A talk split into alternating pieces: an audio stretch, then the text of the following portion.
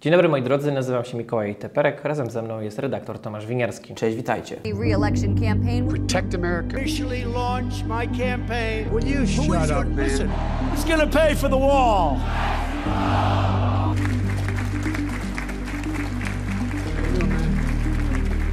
W naszej serii e, wyborczej e, amerykańskiej pytaliście dość sporo i obawialiście się, jak mogą te wybory midtermowe w Stanach Zjednoczonych wpłynąć na, na Ukrainę, na to, co się dzieje na Ukrainie, na to, e, co robi Moskwa. A i Moskwa i Kijów na pewno bacznie obserwują te wybory. Nie bez powodu, ponieważ w po, poprzednim odcinku wytłumaczyliśmy Wam, jaki wpływ e, ma Kongres Amerykański, Izba Reprezentantów i Senat na kreowanie polityki międzynarodowej poza prezydentem Bidenem.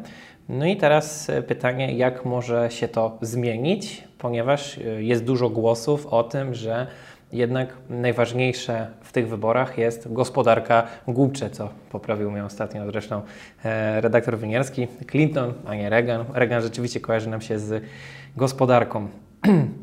No i e, najważniejsza jest ta kwestia, czy to wsparcie będzie, czy będzie mniejsze, bo jednak gospodarka jest tutaj najważniejsza w tych wyborach o dziwo.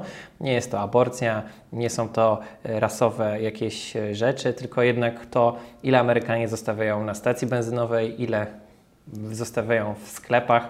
No i czemu ma więcej pieniędzy lecieć do Kijowa na wsparcie militarne? A przecież w interesie Zachodu jest osłabienie Rosji. E, Tak samo Chiny przecież tutaj się e, pojawiają. No ale porozmawiamy teraz e, bardziej o tym, co się dzieje w, na Ukrainie mm, i jaki to może mieć wpływ. Także Tomaszu, jakie są predykcje, że jednak wychodzi na to, że prawdopodobnie może dobrze pójść republikanom, co może niektórych naszych widzów naprawdę cieszyć, że powrót Donalda Trumpa, ale jednak jest to takie prawicowe odejście e, izolacji- do izocja- ile- izolacjonizmu amerykańskiego, czyli nie mieszajmy się, tak, wychodzenie z Afganistanu, tutaj może też być wychodzenie chociażby z Polski na przykład, może nie z NATO co prawda, ale odchodzenie od, od problemów innych krajów. My tu mamy swoje problemy. Jaki to może mieć wpływ e, rzeczywiście na Kijów? Wpływ to będzie miało ogromny, bo z jednej strony, kiedy Ameryka dawała tą rekordową pomoc finansową i zbrojeniową Ukrainie, od początku eksperci, analitycy stawiali sobie pytanie, mm, jak długo ta pomoc będzie trwała w tak wielkim zakresie i odpowiedzią na to było, było stwierdzenie, że będzie ta pomoc tak długo trwała, jak długo wytrzyma ją naród amerykański, amerykański podatnik. I w warunkach, mm, które obecnie obserwujemy na wewnętrznym podwórku amerykańskim, nic dziwnego, że do głosów dochodzą mm, politycy, którzy zyskują coraz e, głośniejszy aplauz swojego elektoratu, którzy podkreślają, że może należy tą pomoc trochę zmniejszyć, bo amerykański podatnik tego nie wytrzyma. Waszyngton drukuje dolary i to powoduje inflację. Te dolary drukuje po to, żeby móc e, zasilać po, pomoc dla Ukrainy. No, a w Stanach Zjednoczonych naprawdę obserwujemy mm, coś, czego nie było od ponad 40 lat, czyli no, inflację absolutnie rekordową, wysokie ceny e, benzyny, na co wpływa chociażby też polityka kartelu OPEC e, i ostatnie malwersacje Arabii Saudyjskiej, która przykręciła kurek wydobywczy, jeśli chodzi o czarne złoto, ropę naftową. Do tego wchodzi oczywiście failed, failed Biden policy, czyli ta niedziałająca polityka Bidena, który robił wszystko, co mógł, aby zniszczyć przemysł wydobycia w Stanach Zjednoczonych, w związku z czym to wszystko powoduje tą drużynę, a ta sytuacja gospodarcza i braki w amerykańskich portfelach powodują, że Amerykanie się trzy razy zastanawiają, zanim poprą polityka, który chce te pieniądze dawać krajom trzecim. Mm, Z drugiej strony kongres jest y, tą instytucją, można powiedzieć, w życiu politycznym amerykańskim, bez której, a bez, bez której nie da się realizować żadnej poważnej pomocy finansowej e, przez Biały Dom dla krajów takich jak na przykład Ukraina. W związku z tym wszystkie te pakiety pomocowe, które Waszyngton przekazywał Kijowowi na kwoty kilkudziesięciu miliardów dolarów, to wszystko było wcześniej approved by Congress, zatwierdzone przez Kongres. Mm, Sam e, mm, Biden jedyne co mógł robić bez zgody kongresu to przekazywać jakiś sprzęt wojskowy czy broń, która leżała w e, magazynach Pentagonu, czyli Departamentu Obrony USA. Natomiast z jednej strony faktycznie pojawiały się te głosy i na lewicy e, demokratycznej, i na prawicy republikańskiej, że może należałoby może nie tyle co przerwać tą pomoc dla Ukrainy, co ją po prostu ponownie przeanalizować. I tak oto lider e, republikanów w Izbie Reprezentantów, e, Kevin McCarthy, zapowiedział, że jeżeli jego partia przejmie kongres, a wiemy już z prognostyków, że to się najprawdopodobniej stanie, republikanie przejmą nie tylko Izbę Reprezentantów, ale także prawdopodobnie jedno, dwa, trzy miejsca e, amerykański Senat. Kiedy to się stanie, McCarthy zapowiada, że nie będzie stan, e, że, że Ameryka nie będzie już więcej Ukrainie wystawiać czeków in blanco. To nie znaczy, że nie będzie jej pomagać. Chodzi o to, jak dalej precyzuje Kevin McCarthy w swojej wypowiedzi, żeby Waszyngton miał po prostu lepszą kontrolę nad tym, jak te pieniądze są wydawane. Na tym polega cały ten zwrot in blanco, że już nie będą dawać tych miliardów w ciemno, tylko będą wymagać konkretnego rozliczania się. Ukraińcy, dostaliście tyle, na co wydaliście. Dostaniecie kolejny miliard, ale musicie wydać na to i na to, a nie tak, jak Wy chcecie. Czyli ta wolna ręka zostanie trochę ukrócona tutaj. Teoretycy spiskowi y, nawiązują także do Huntera Bidena i jego konszaktów na Ukrainie, mówiąc, że to jest ewidentne pranie federalnych pieniędzy, zadłużanie też kraju, że to mogą być właśnie takie teorie, że to Biden dokonuje swoich interesów po prostu dalszych, czy interesów swojego syna.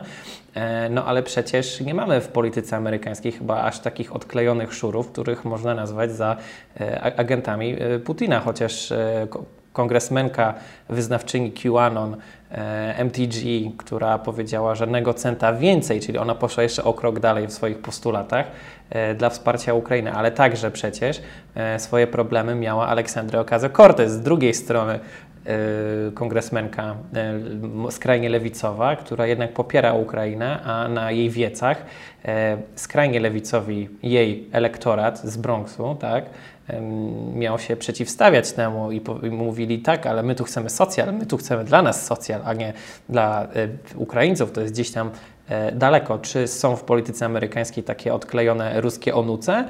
Jak także społeczeństwo patrzy na to wsparcie amerykańskie dla Ukrainy? No, są e, takie przykłady, chociażby wspomniana przez Ciebie pani Taylor Green mm, i takich szurów, którzy e, odgrywają rolę pożytecznych idiotów Putina jest trochę w amerykańskiej polityce, ale to są przypadki skrajne. Ja cały czas podkreślam, że nawet ten fakt, że Kevin McCarthy zapowiada jakąś tam rewizję polityki wsparcia Ukrainy, nie oznacza, że republikanie jak przyjmą kongres, to tą pomoc ograniczą czy wycofają. Oni ją po prostu chcą e, robić w sposób taki bardziej, nazwałbym to odpowiedzialny fiskalnie, jak oni sami twierdzą, czyli bardziej kontrolować te wydatki. Mm, społeczeństwo amerykańskie co jest dla nas bardzo dobrą informacją, w zdecydowanej większości, to jest grubo ponad 60%, popiera e, utrzymanie tego ogromnego wsparcia, jakie Ameryka zapewnia Ukrainie do tej pory. No tutaj mam Ipsosa 73, Reutersa i Ipsosa 73% Amerykanów popiera dalsze przekazywanie pomocy Kijowowi.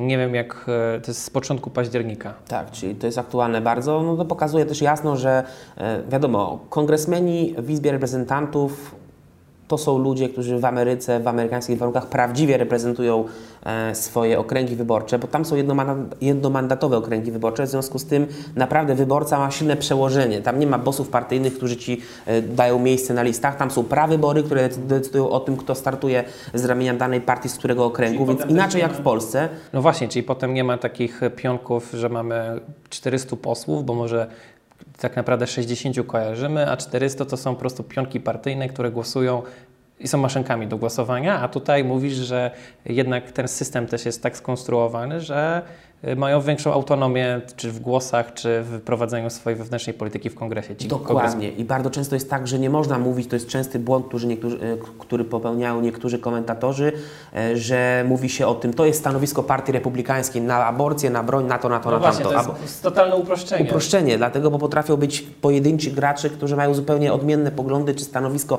na najbardziej nawet istotne tematy, dlatego, że ich okręg wyborczy jest za tym. Tak samo było w przypadku senatora Joe Mancina, który jako najbardziej konserwatywny pośród demokratów y, w bardzo wielu kwestiach, chociażby związanych z polityką klimatyczną, nie zgadzał się z oficjalną linią partii i Bidena, bo miał interes związany ze swoim stanem, w którym y, przemysł wydobywczy, paliwa kopalne odgrywały bardzo ważną rolę. Mm, reasumując jeszcze, jeśli chodzi o tą pomoc, ja głęboko wierzę w to, chcę wierzyć w to i uważam, że to jest podparte też analizą. Republikanie będą w kongresie mm, bardzo mocno ujmować się za Ukrainą. Nie dajcie się zwieść narracji, która sugeruje, że jak dojdą republikanie do władzy, to oni ograniczą pomoc dla Ukrainy, bo to jest bardzo e, mylne mm, tutaj e, sugerowanie i taki misleading. Republikanie, a już w szczególności establishment republikański, jak chociażby senator Mitch McConnell z Kentucky, lider republikanów w Senacie, który prawdopodobnie będzie też liderem nowego Senatu, tej większości w Senacie, oni wszyscy popierają tą starą amerykańską doktrynę polityki zagranicznej, czyli za wszelką cenę zwalczać Rosję. Więc tutaj ta pomoc dla Ukrainy będzie na pewno w, w mniejszym lub większym, raczej w większym stopniu kontynuowana. Ale na amerykańskiej lewicy, tak jak wspomniałeś, e, Aleksandrię Ocasio-Cortez, a także resztę składu, chociażby e, panią Ilian Omar i innych skrajnie lewicowych demokratów z Izby Reprezentantów,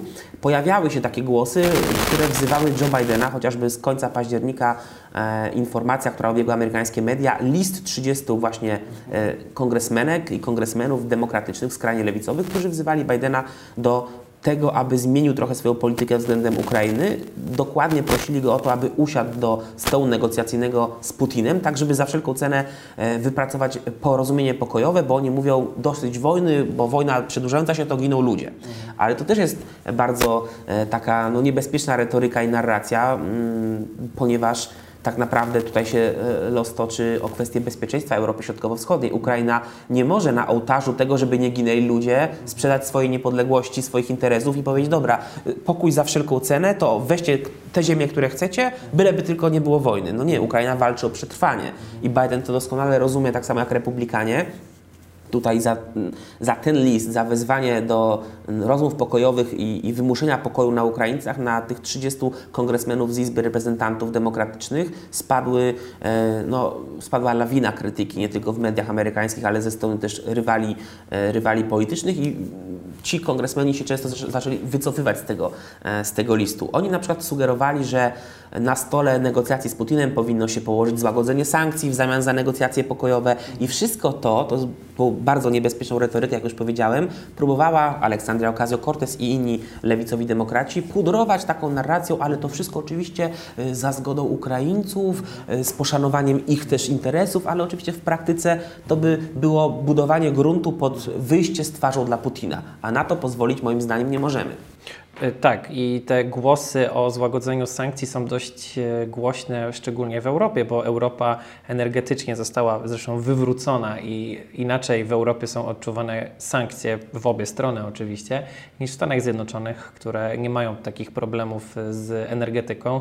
Zresztą Polska e, ściąga kon, nie, nie, kontenery, ale no, wielkie e, gazostatki z LNG, płynnym gazem ze Stanów Zjednoczonych i ten Rust Belt zresztą ogrzewa w pewnym sensie teraz e, także nas e, tutaj w naszym dyplomatycznym studio. Jeżeli macie więcej pytań, to jest to świetna okazja, żeby je zadawać. Wybory już niebawem i niebawem także dowiemy się, e, co będzie dalej. Z tego, co słyszę, podsumowując, e, nie taka zła partia republikańska, jak ją piszą w kontekście tej Ukrainy. Tak, libe- liberalne media głównego nurtu w Ameryce, ale także w Europie i u nas w Polsce niestety mają tendencję do tego, żeby demonizować partię republikańską. I uogólniać, upraszczać. I uogólniać, robić takie, mm, taką banalizację i, i skróty myślowe, które kończą się tym, że to jest właściwie tworzenie fake newsów. Także jak mawiał klasyk, no niestety wojna z fake news media trwa i od tego są eksperci, żeby to weryfikować. E, Dlatego przyszedł redaktor Tomasz Winierski. Ja nazywam się Mikołaj Teperek. Subskrybujcie e, ten kanał i widzimy się w kolejnych materiałach już niebawem. Jeśli macie jakieś pytania e, albo chcecie dodać coś od siebie, na dole zapraszamy do sekcji komentarzy. Trzymajcie się na razie, cześć.